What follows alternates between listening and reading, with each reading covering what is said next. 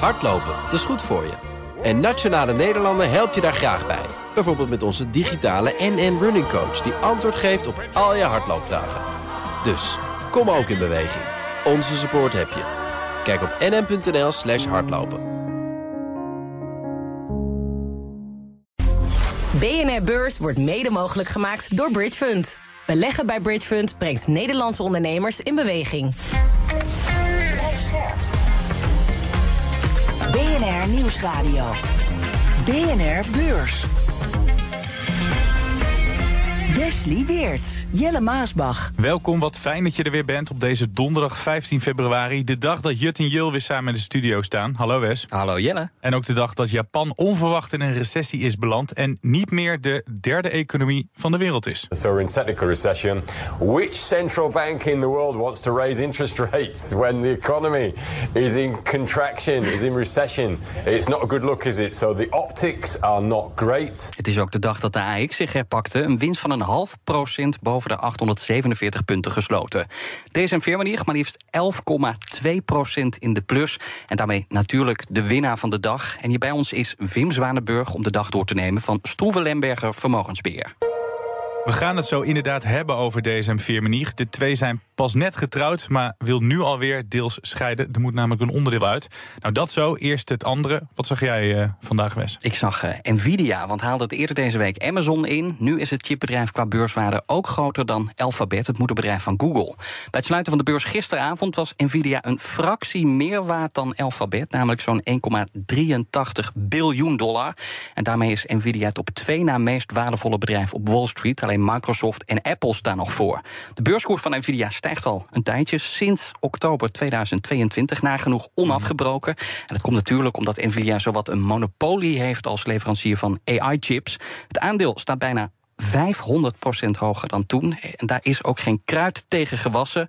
Al doet Alphabet het met een koerswinst van bijna 70% in diezelfde periode ook al lang niet slecht. Nvidia staat nu dus op plek 3. Het moet nog wel een flinke weg afleggen voordat de tweede plaats in zicht komt. Apple, de nummer 2, is bijna 3 biljoen dollar waard. Ruim 1 biljoen meer dus dan Nvidia. Ja, en de vraag is of Nvidia nog net zoveel of meer winst kan boeken als afgelopen jaar. En later deze maand weten we of dat gelukt is, want dan komt Nvidia met de cijfers. Wil ik het ook nog even hebben over bouwen BAM. Klein beursbedrijf, maar met een grote uitslag. 18% erbij in één dag. En dat zat hem niet bepaald in de resultaten, maar vooral in het dividend. Want het bedrijf gaat fors meer dividend uitkeren en koopt voor tientallen miljoenen aan eigen aandelen op. De komende jaren, zo belooft topman Ruud Joosten, gaat het tussen de 30 en 50 procent van de winst naar aandeelhouders. We zien dat we de doelstellingen die we drie jaar geleden gesteld hebben, toen het bedrijf in een zeer lastige positie zat, dat we die eigenlijk allemaal eh, gehaald hebben. Dus het is denk ik ook tijd dat we ook uh, onze aandeelhouder inderdaad wat gaan verwennen.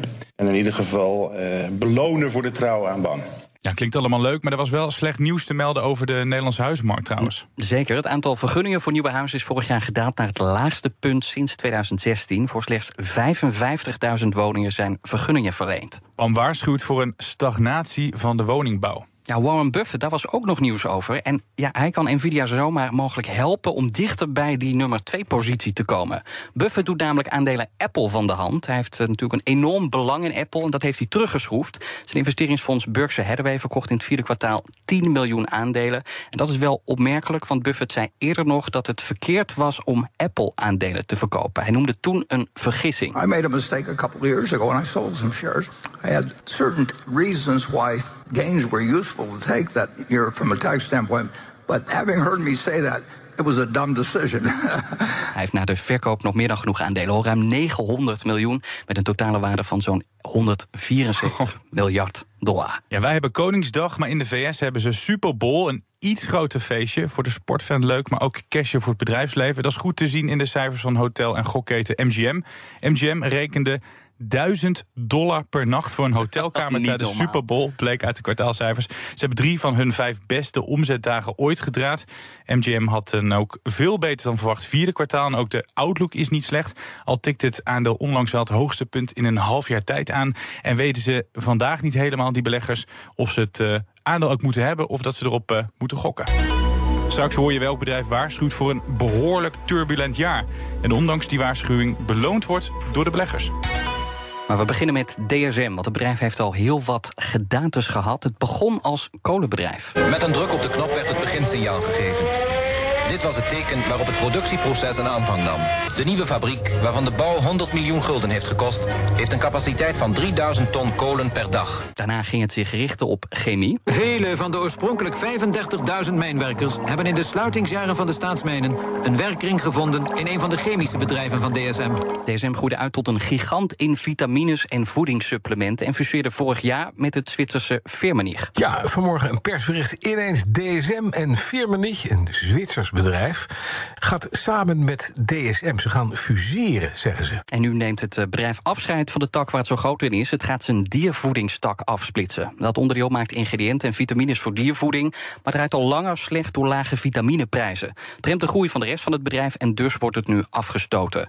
Een nieuwe stap, Wim, in het eh, ruim 120-jarige bestaan van het bedrijf, is afsplitsen de enige juiste keuze. Nou, als je de marges uh, wil opkrikken, dan moet je wat aan de productmix uh, doen. En het zijn met name de vitamineprijzen die uh, DSM Firmenich zeer doen eigenlijk. De divisie die nu wordt afgestoten, dat is ongeveer 30% van de totale omzet. Ja. En daarvan worden de bedrijfsresultaten voor 70% bepaald door de vitaminebusiness en prijzen. Nou, en die vitamineprijzen die staan al tijdlang onder druk. En er zijn de vooruitzichten onvoldoende positief. de concurrentie vanuit Azië neemt heel erg toe. En ook ja, de afzet van veehouders enzovoort in Azië, dat neemt ook wat, uh, wat af. Ja. Dus als ze daar wat aan willen doen, er zijn een paar ingrediënten van die divisie die ze wel zelf willen houden. Uh, visolie bijvoorbeeld en ook een, een, een middel bovaar dat de uitstoot van methaan vermindert. En dat zijn dan ook de onderdelen die waarschijnlijk wel goed draaien. Dat zijn en waar ook DSM zijn innovatieve kwaliteiten kan, kan tonen. Dus ze verkopen eigenlijk de rotzooi. Nou ja, zo zou ik het ook niet willen, willen zeggen. In ieder geval de meer volatiele business. Dus we willen eigenlijk en, en meer focus. En het is natuurlijk zo, het is een fusieconcern. Dus dan ga je toch nog eens kijken naar de totale productmix. Maar ik vind het best uh, veel wat ze eigenlijk uh, afstoten. Maar uh, die focus, dat wordt beloond door de aandeelhouders. Dat hebben we gezien op de beurs. ruim 10% hoger vandaag. Het heeft zelfs gedurende de dag nog wat hoger gestaan. Mm -hmm. ja, door analisten positief begroet ook. En hoe ziet die afsplitsing eruit, Wim? Nou, er zijn verschillende mogelijkheden als je een afsplitsing doet. Je kan natuurlijk een afsplitsing naar de aandeelhouders doen, die dan een apart aandeel of certificaat krijgen.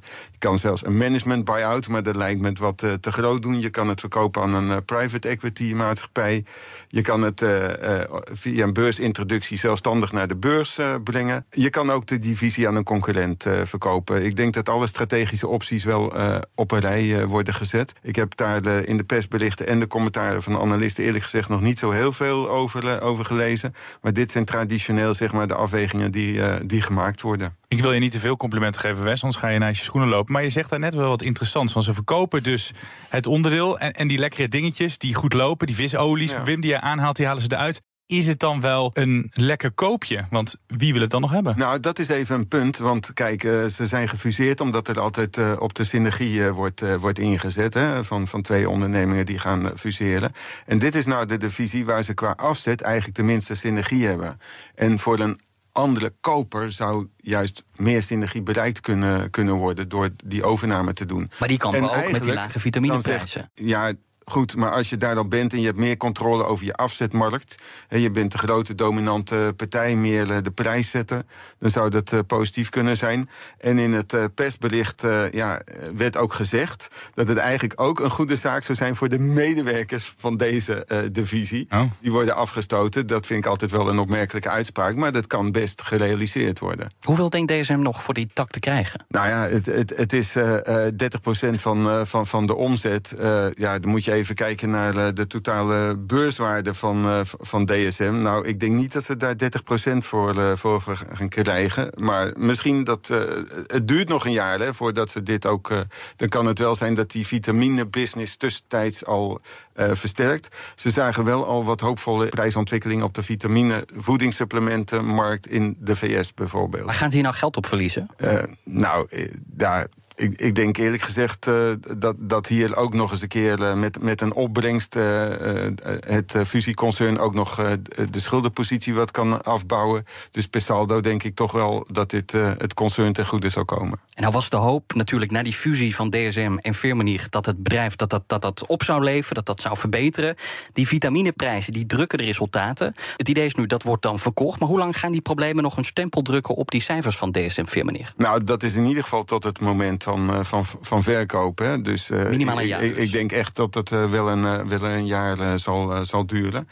Dus uh, ja, en de aandeelhouders, ja, die hebben toch wel, uh, ondanks de koersprong van vandaag, sinds de fusiedatum uh, behoorlijk wat ingeleefd. En ook vorig jaar duurde het heel lang voor die fusie uiteindelijk zijn goedkeuring kreeg van de mededingingsautoriteiten. Dus de hele, dit, dit huwelijk is nog niet onder een zeer gelukkig gesternte geboren. DSM bestaat dus al meer dan 120 jaar, heeft zich elke keer opnieuw ja. uitgevonden. Wat kunnen andere beursbedrijven van dit bedrijf leren? Want er is een soort van ja, DSM-recept. Nou, er, er, is wel een hoge consistentie, de inzet op innovatie, het uh, zichzelf opnieuw uitvinden, nieuwe, nieuwe markten. Het was de laatste jaren ook uh, wel een beetje de kampioen van, uh, laat ik zeggen, ESG, van het duurzame beleggen. Waar ook uh, Fijke Siebesma en ook zijn opvolgers en ook de huidige managers, CEO Dimitri de Vreese ook op, op, op inzet. De board zet erop in. Die categorie aandelen, uh, die heeft afgelopen jaar ook een beetje uh, de wind tegen. Ook om andere redenen. Dus uh, wellicht heeft dat de koers ook nog onder druk gezet.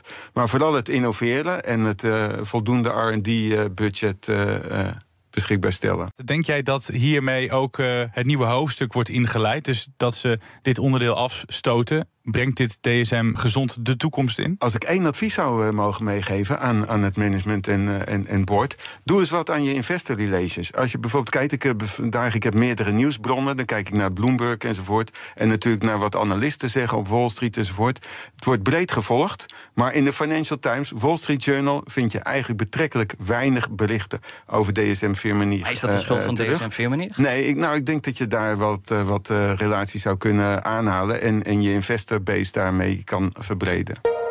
Nederlandse ondernemers maken zich zulke zorgen om het vestigingsklimaat dat ze denken aan een vertrek. Blijkt uit een peiling van MKB Nederland en VNO-NCW.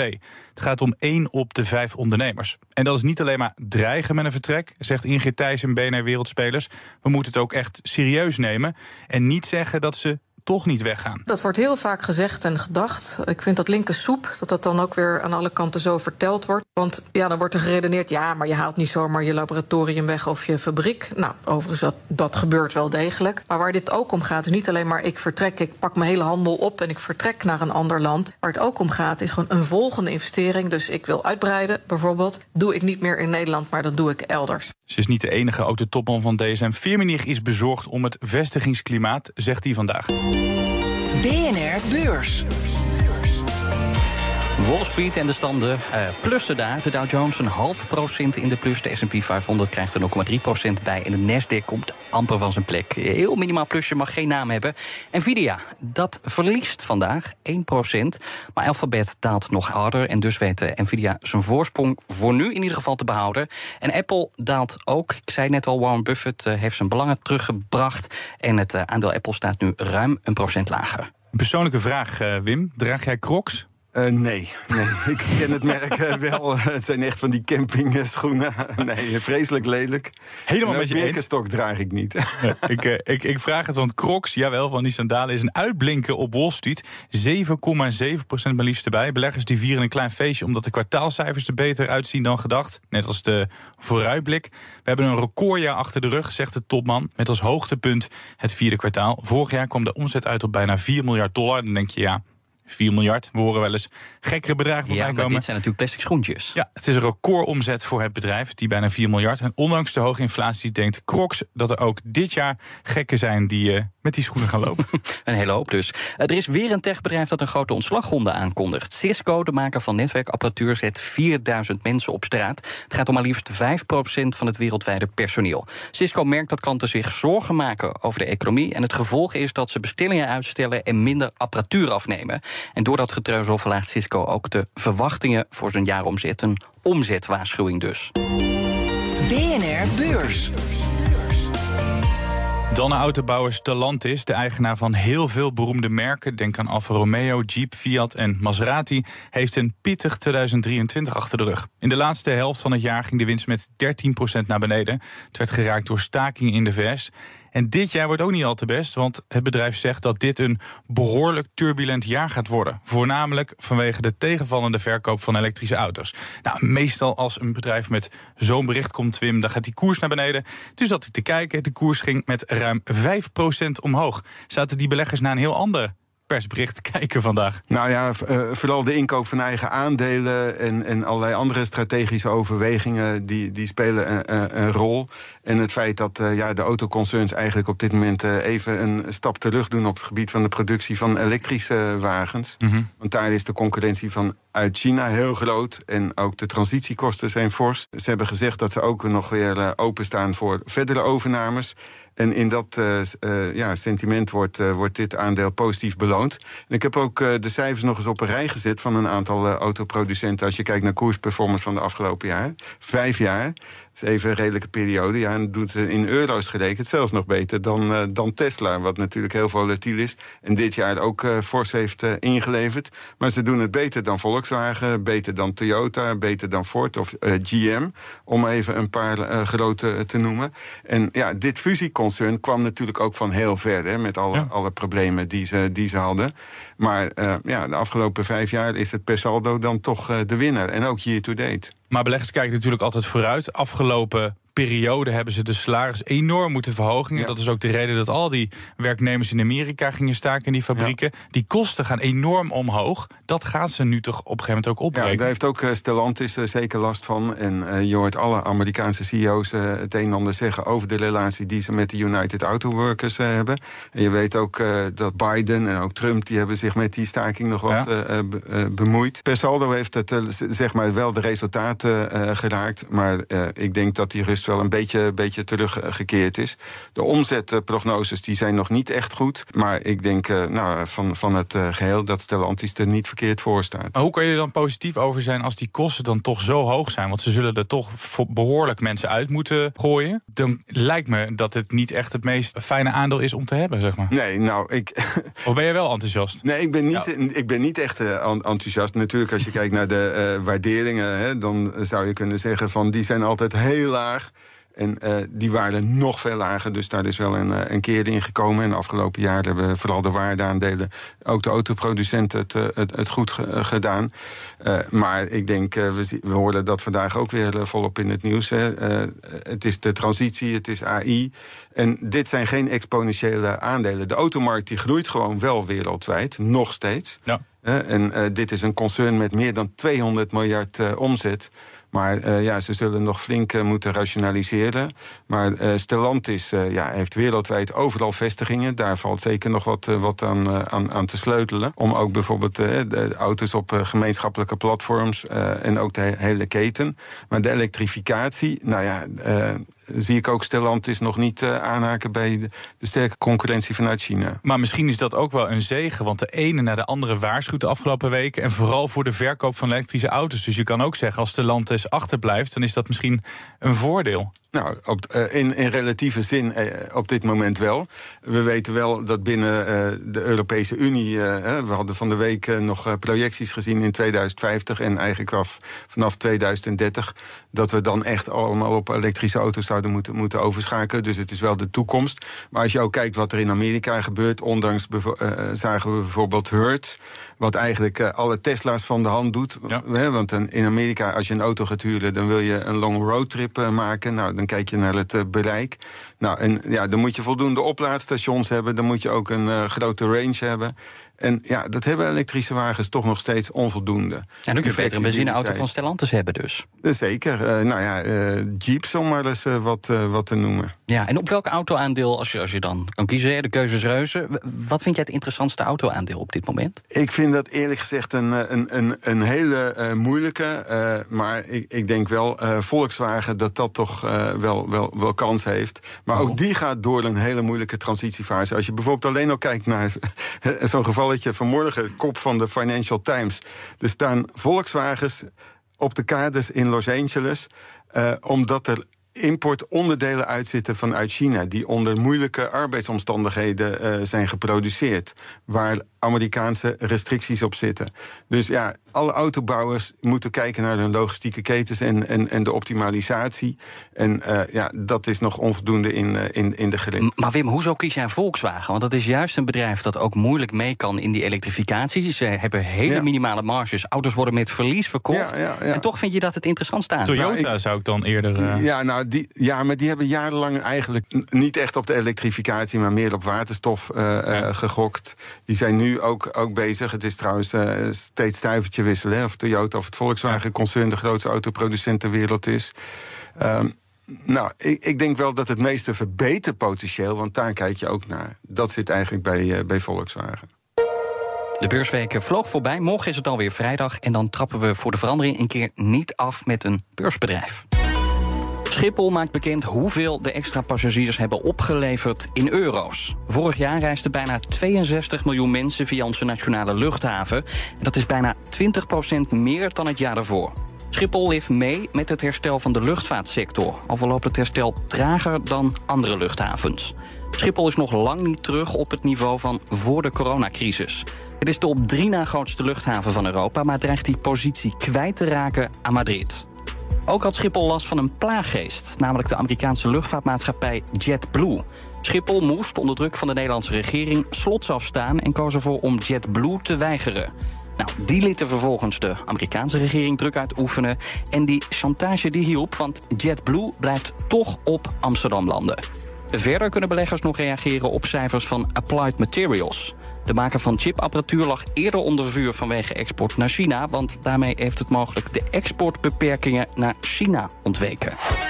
Dit was de BNR-beurs van donderdag 15 februari. Ook weer bromance, want wij staan eindelijk weer samen in de studio, hè Wes? Hoe mooi ja, is dat? Morgen weer, morgen weer. En het ging vandaag over fuseren, afstoten en verlaten. Nederlandse ondernemers die twijfelen over het vestigingsklimaat hier. DSM, dat samenging met Firmenich en nog niet heel gelukkig is in het huwelijk. En over autobouwers die somber zijn over het komende jaar. Somber werden we niet van uh, Wim Zwanenburg van Soever Lembergen Vermogensbeheer. Dankjewel Wim, fijn dat je er was. En morgen zijn we er weer. Tot morgen. Tot morgen. BNR Beurs wordt mede mogelijk gemaakt door Bridge Fund. Beleggen bij Bridge Fund brengt Nederlandse ondernemers in beweging. Hardlopen, dat is goed voor je. En Nationale Nederlanden helpt je daar graag bij. Bijvoorbeeld met onze digitale NN Running Coach... die antwoord geeft op al je hardloopvragen. Dus, kom ook in beweging. Onze support heb je. Kijk op nn.nl slash hardlopen.